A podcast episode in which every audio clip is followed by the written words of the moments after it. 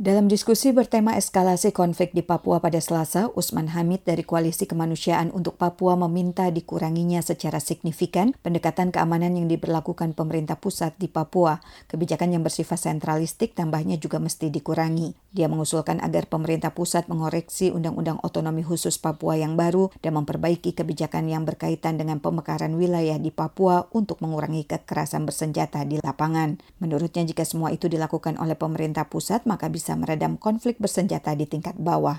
Tetapi keseluruhan kebijakan itu juga perlu diorientasikan pada penjajakan perundingan damai. Perundingan damai adalah satu-satunya jalan untuk saat ini dalam meredam eskalasi konflik yang bisa berkepanjangan. Usman menggarisbawahi perlunya pasukan pemerintah dan milisi Gerakan Papua Merdeka untuk mematuhi norma-norma hak asasi manusia dalam konflik bersenjata yakni hukum humaniter, yang salah satu poin pentingnya adalah tidak menyerang sasaran sipil, baik manusia atau fasilitas sipil seperti sekolah dan rumah ibadah.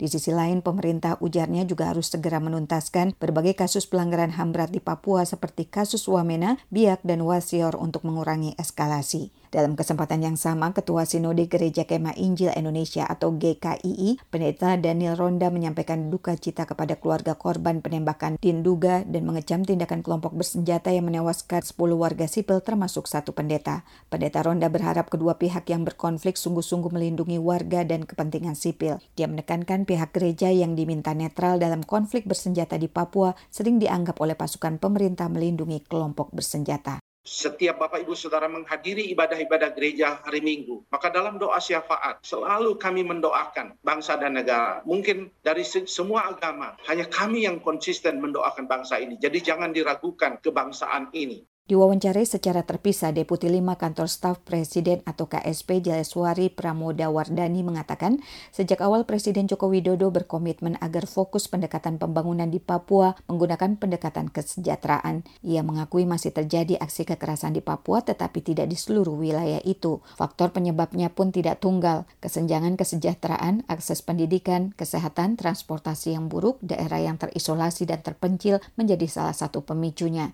Jaleswari menambahkan dalam upaya mengimplementasikan percepatan kesejahteraan di tanah Papua dibutuhkan stabilitas keamanan sebagai basis persyaratan akselerasi pembangunan. Menurutnya pemerintah memilih pendekatan penegakan hukum sebagai jawaban dari merebaknya kekerasan selama ini. Pendekatan keamanan tambah Jaleswari hanya dilakukan sebagai the last resort setelah berbagai upaya non keamanan telah dilakukan. Dia membantah pemerintah melakukan operasi militer di Papua. Dari Jakarta, Fatia Wardah melaporkan untuk VOA Washington.